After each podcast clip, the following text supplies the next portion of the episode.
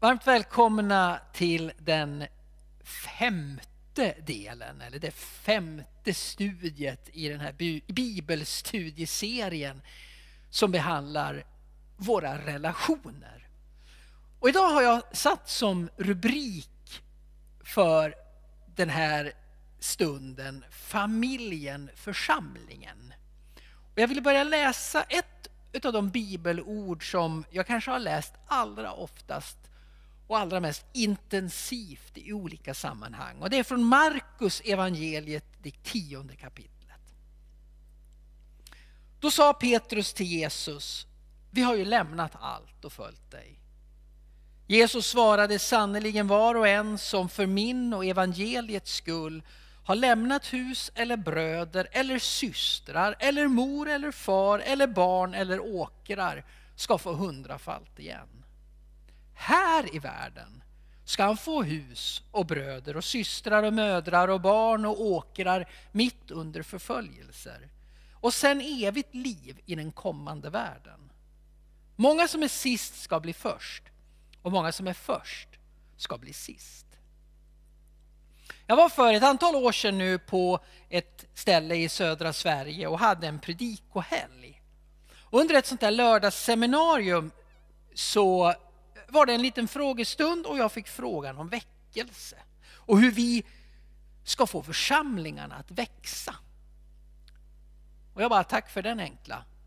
Och utan att tänka efter egentligen, utan att liksom ha gjort någon längre reflektion så bara svarar jag sådär tråkigt småbarnsförälder trött som jag var då. Ja, den församling, sa jag, som får till ett fungerande barnvaktssystem, den kommer garanterat att växa. Och jag har tänkt på det där spontana utbrottet och som mitt eget löfte till den här församlingen om garanterad församlingstillväxt. Och jag tror att jag har rätt. Jag berättade det för mig själv och det visade sig att jag höll med mig. Och det är inte bara för att småbarnsföräldrar naturligtvis skulle lockas och flockas till en sån församling. Det är inte bara för att där skulle då ensamstående föräldrar kunna möjligheten att få gå på bio eller inte bara för att jag då som själv befann mig i en riktig småbarnsförälderperiod inget hellre önskade utan också för att församlingen då närmar sig att vara den nya familj som Jesus talar om. Och som vi någonstans, tror jag, inom oss bär längtan efter att församlingen ska vara. Den nya himmelska familjen redan här på jorden. Den gemenskap som är någonting annat, någonting mer än alla andra gemenskaper. För det är ju den där obändliga drömmen om vad församlingen är tänkt att vara. Den där envisa längtan som inte slutar gnaga inom oss när vi tänker på vad en församling skulle kunna bli. Den där känslan som aldrig överger om vad som faktiskt är möjligt. Mitt allra tidigaste barndomsminne det kommer från en kyrksal. Min mamma och pappa de bodde i vaktmästarlägenheter i baptistkyrkan i Arbro.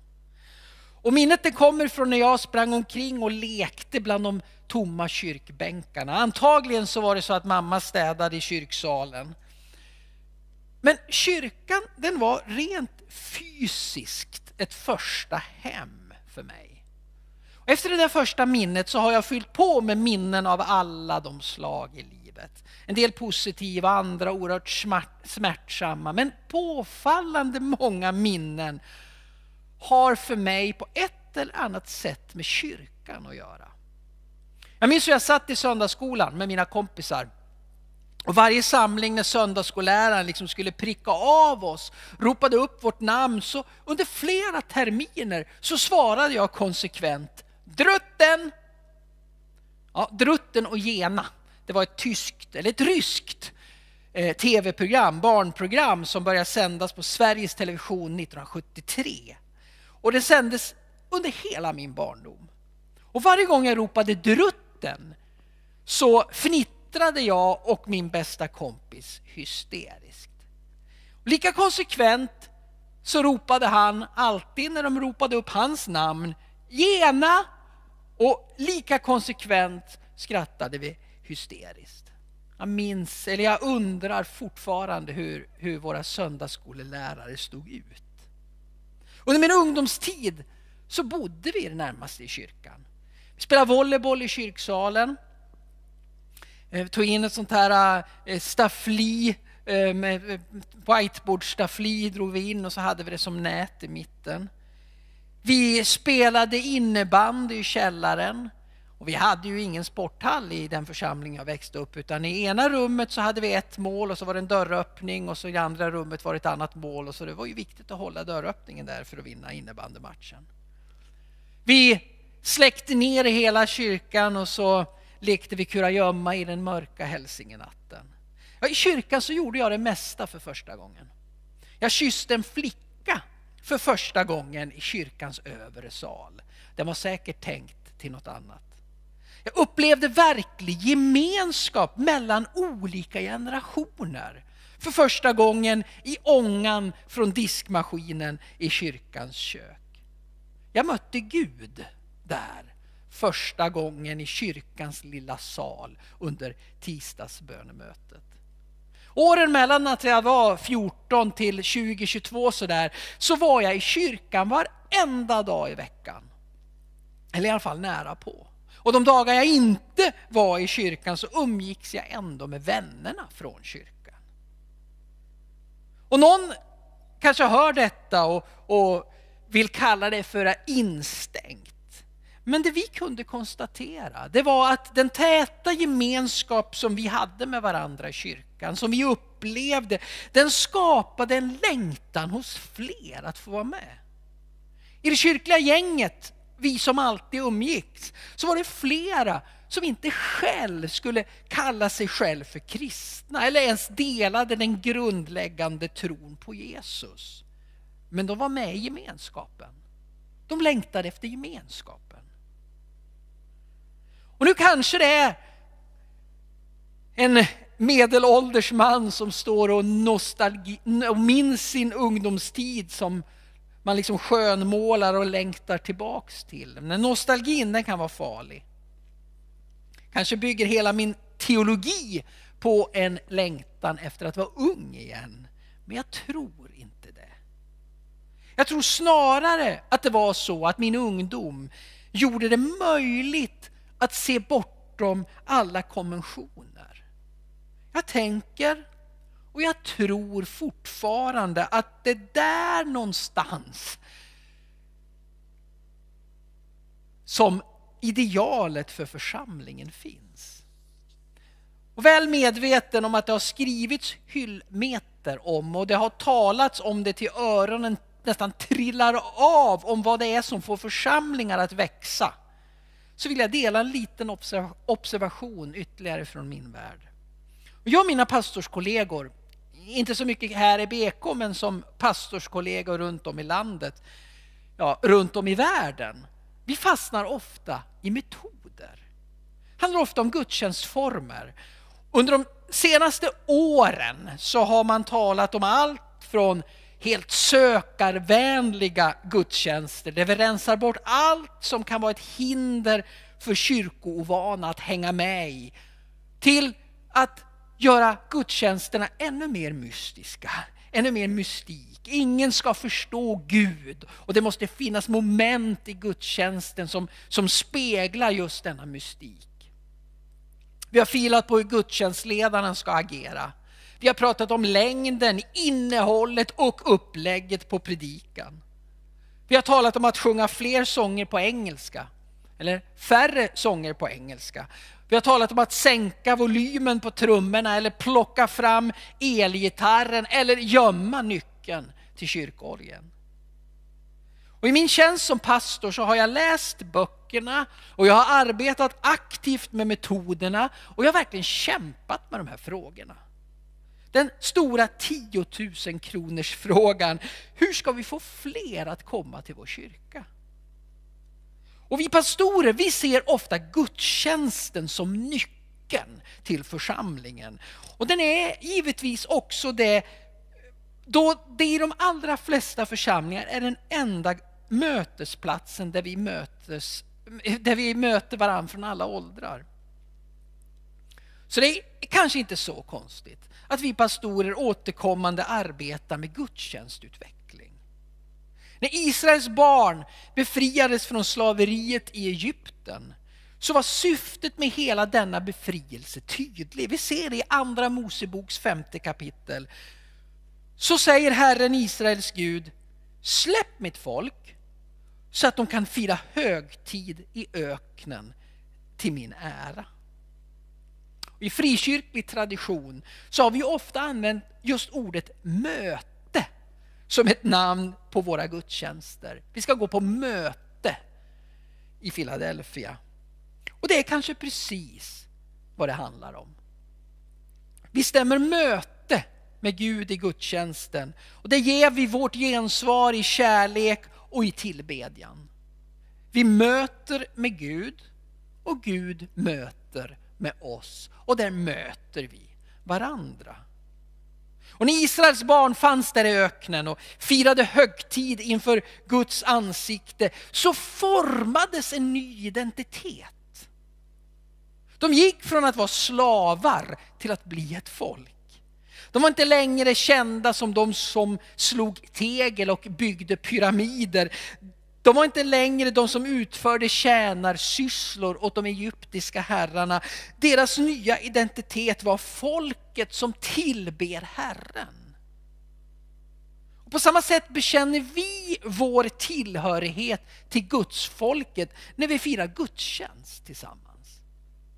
Jag är inte längre främst mitt yrke, min etniska tillhörighet, min utbildningsnivå, mitt kön eller min ålder, min politiska ståndpunkt eller min sexualitet. Nej, i Jesu namn så bryter vi brödet och säger vi tillhör samma folk. Vi är Guds. Vi lovsjunger tillsammans och vi bekänner att vi först och främst är Jesu lärjungar. Allt det andra kommer sen. Allt det andra. Från slaveri till frihet. Det är ett befriat folk som brukar samlas i Betlehemkyrkan för att fira gudstjänst.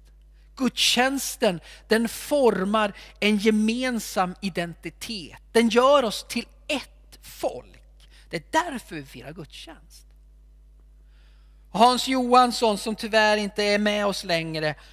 Han skriver i en av sina böcker Gudstjänsten är en regelbunden hemspråksundervisning för pilgrimer på vandring i främmande land.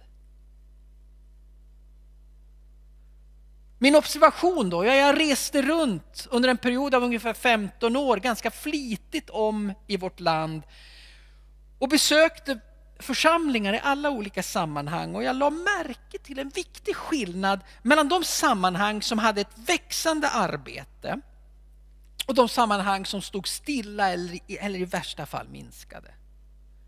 Det handlade inte om hur gudstjänsten var formad.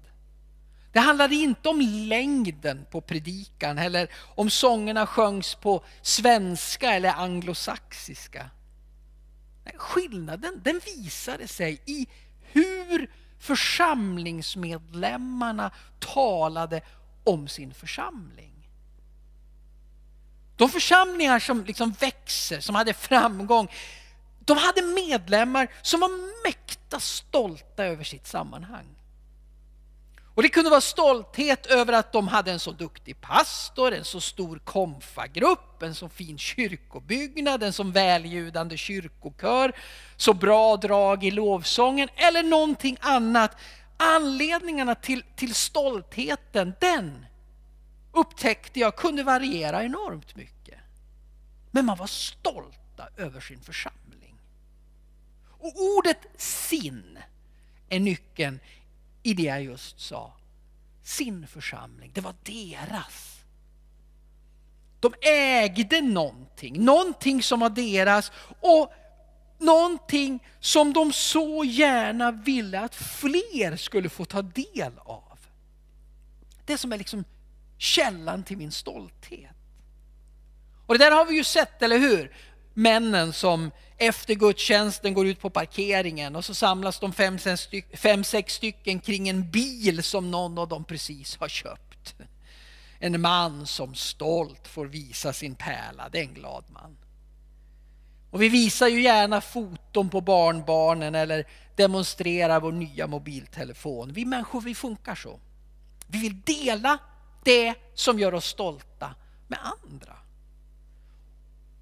Gör församlingen oss stolta så vill vi dela den också.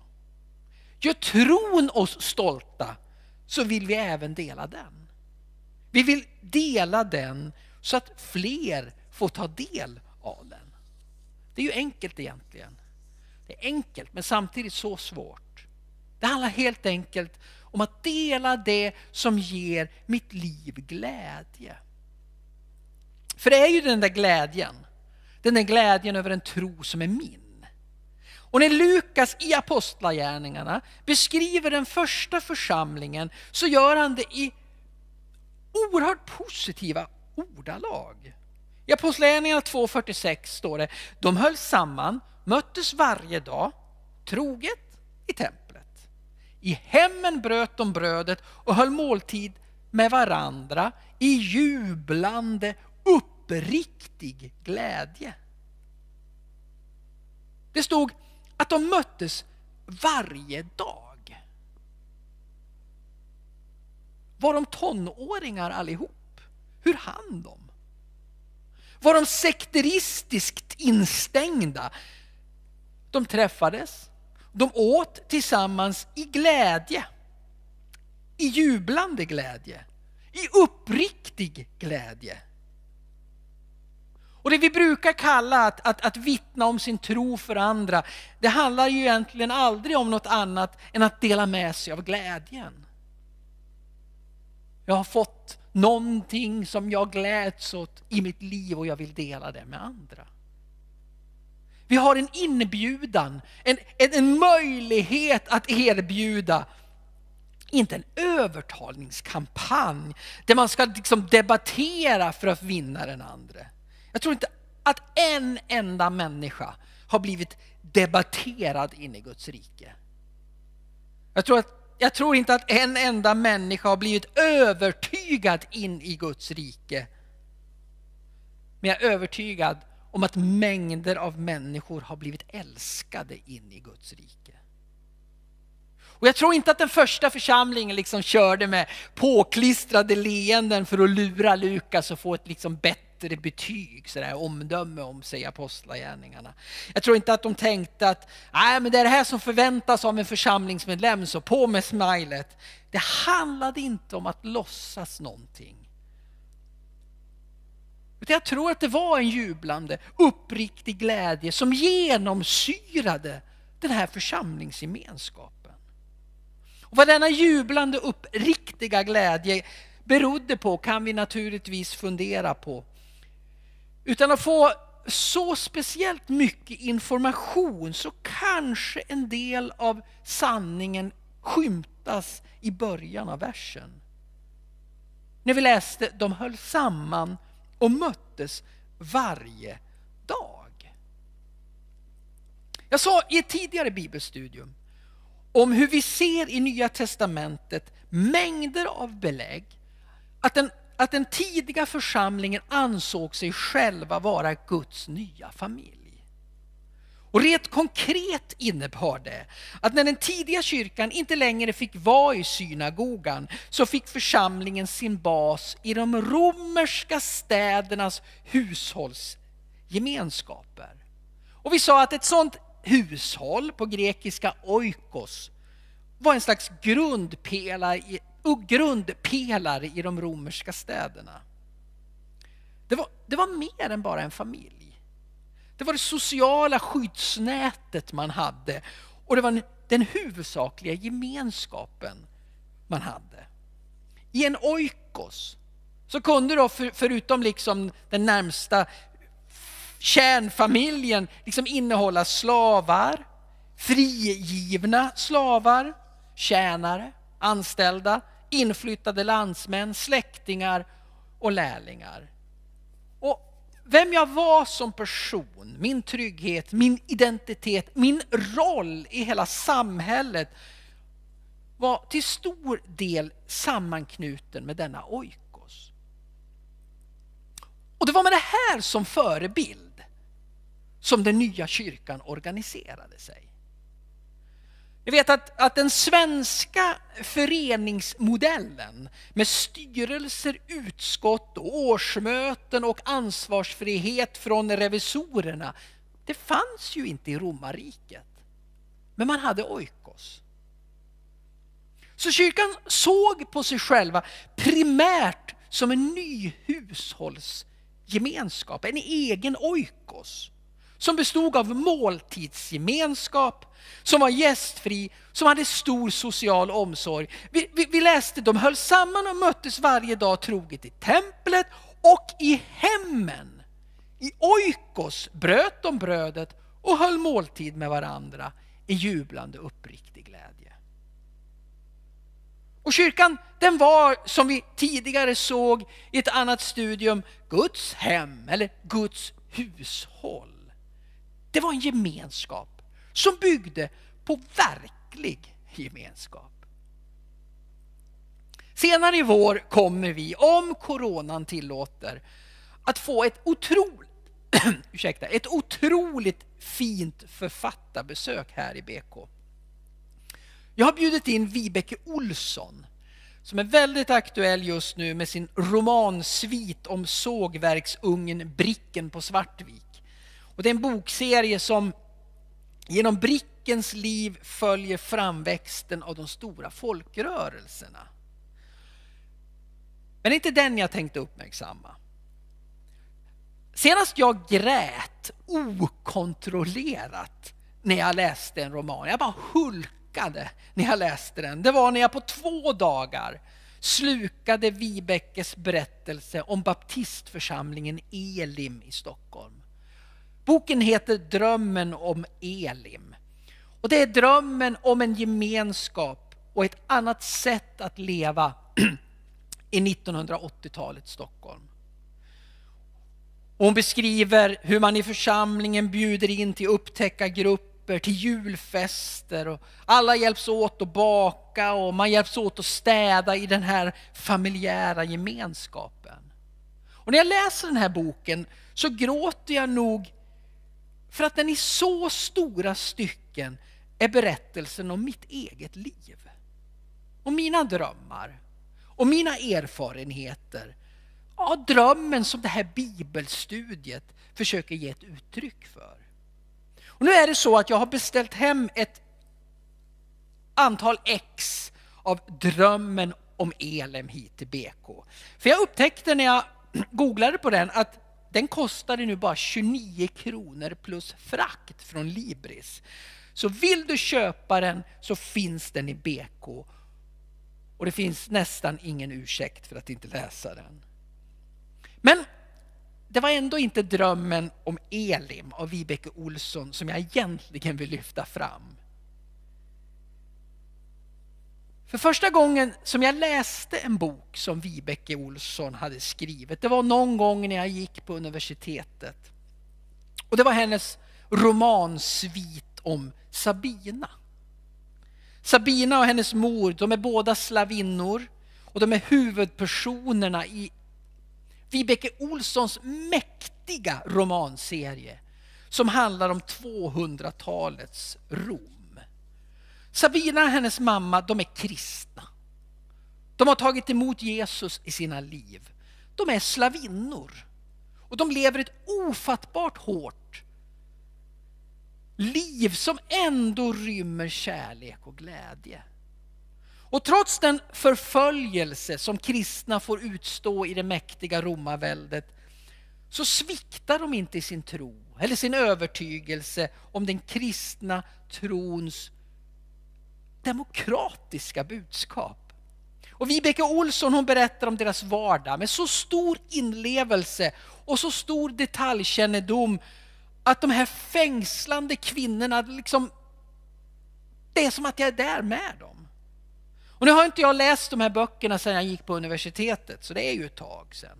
Så jag kan ju minnas det här innehållet lite galet, men jag minns hur de böckerna i kombination med kyrkohistorien målade bilden av hur livet var för de första kristna.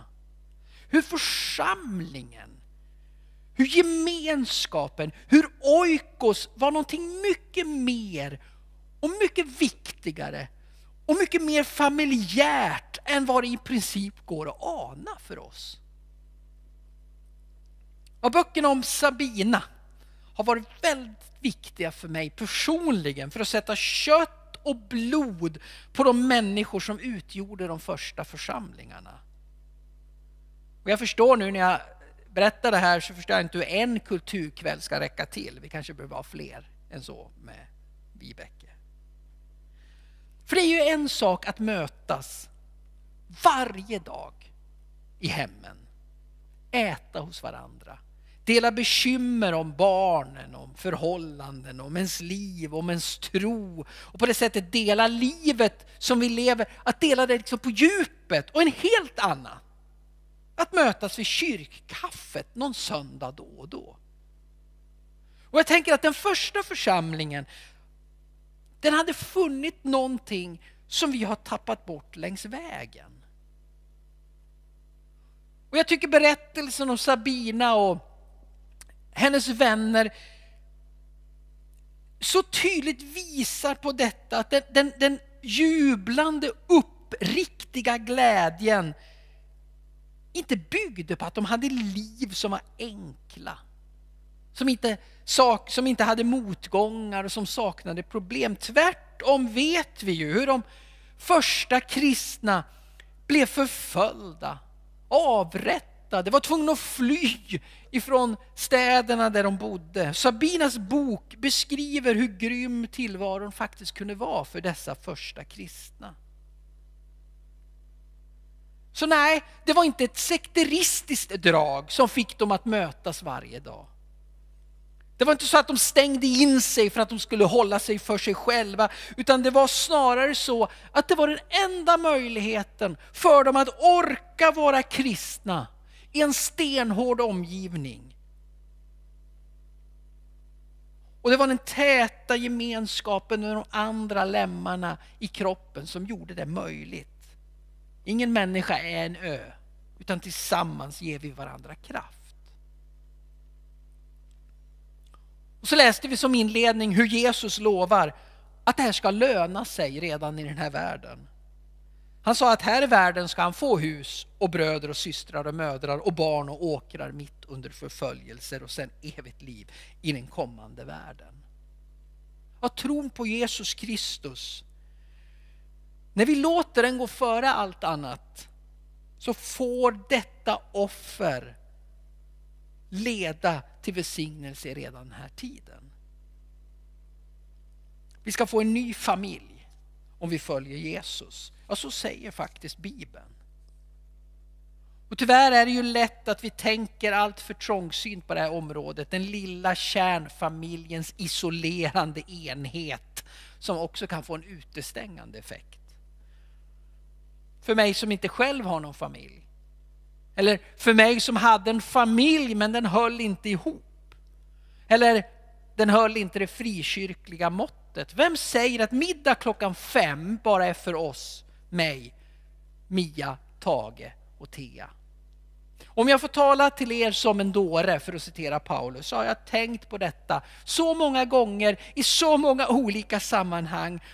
Och jag har drömt och jag har fantiserat om församlingen som en familj.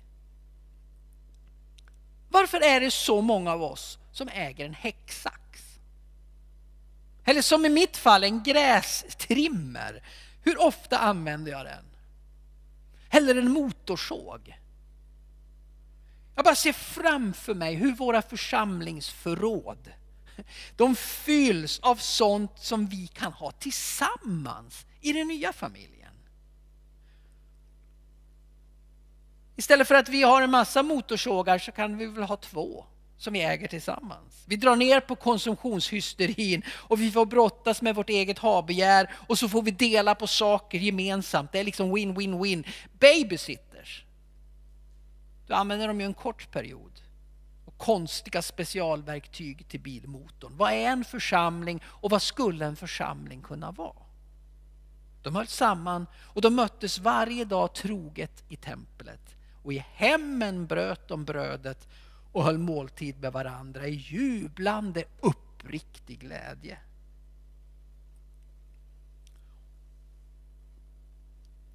Och när vi tittar på den första församlingen, när vi tittar på den bibliska församlingen så ser vi två tydliga fokus som hjälper de första kristna att hamna, hamna rätt i tillvaron. De höll samman varje dag troget i templet. Och de bröt brödet i hemmen. Två mötesplatser. Dels möttes man till gudstjänst i templet. Den stora samlingen när alla kom tillsammans för att lovsjunga Gud. För att lyssna på förkunnelse, för att mingla, för att glädjas åt den tro som man delade. Gudstjänstens betydelse i en församling kan aldrig överskattas. Gudstjänstens betydelse i ditt kristna liv kan inte heller den överskattas. Det var gudstjänsten. Men så hade man samlingarna i hemmen.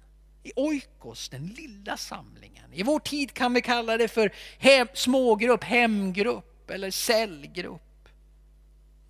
Och när vi studerar Nya Testamentet så framgår det tydligt, inte minst i Paulus brev, hur husgrupperna inte bara var en verksamhet bland andra verksamheter man gjorde. När man var liksom församling per se när man möttes i hemmen. Det fanns den viktiga gemenskapen. Det var centrum. Och vi ser det också av det faktum att det var där man firade nattvarden tillsammans. Inte där man möttes i templet, utan i hemmen. Det mest intima i vår relation med Gud delade man i den mest intima delen av församlingsgemenskapen, den lilla gruppen.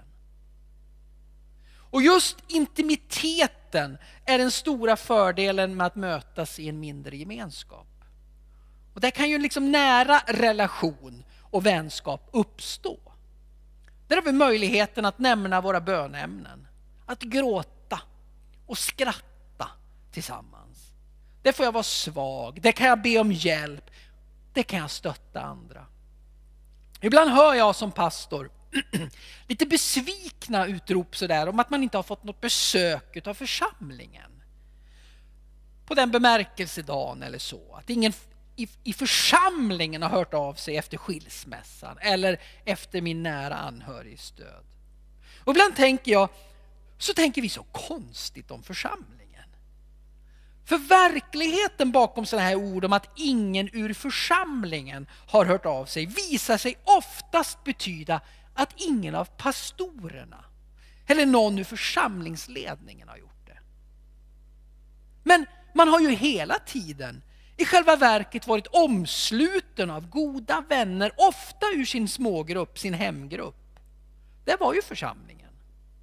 Det fanns ju församlingen när församlingen dessutom är som allra bäst. Det fanns de till hands som älskar mig, som har tid med mig, som vet allra mest om vem jag är. Mer än 50 gånger återkommer ordet varandra i Nya Testamentet. 50 gånger återkommer ordet varandra för att beskriva de troendes inbördes relation. Och det behövs liksom en, en, en liten gemenskap, en oikos av troende för att kunna tillämpa alla de här bibliska uttrycken som vi slänger oss med. Lemmar som är till för varandra. Visa varandra tillgivenhet överträffa varandra i ömsesidig aktning, uppmuntra varandra och bär varandras bördor. Smågruppen, hemgruppen, den får vara helt central när livet inte blir som vi har tänkt oss. Och all erfarenhet visar att de kristna som har byggt nära relationer i en församlingsgrupp har ett bättre skydd och klarar påfrestningar betydligt bättre. Det är inte alltid experthjälp som är det mest nödvändiga när livet skakar om oss. Utan vänner som visar praktisk omsorg, som gör små ärenden åt oss eller som bara finns till hands är oftast fullt tillräckligt. Och jag tror att det var precis det här som Lukas menade när han skriver om den lilla gruppens stora betydelse höll måltid med varandra i jublande uppriktig glädje. Och ibland har jag fått den här frågan, måste man vara med i en församling om man är kristen? Och det enda svar som jag har kunnat ge på den frågan det är tack och lov att jag får vara med i en församling. Det är en gemenskap som inte alltid är som vi har tänkt eller hoppats, hoppas att den ska vara. Men som i sina bästa stunder faktiskt får vara min nya familj.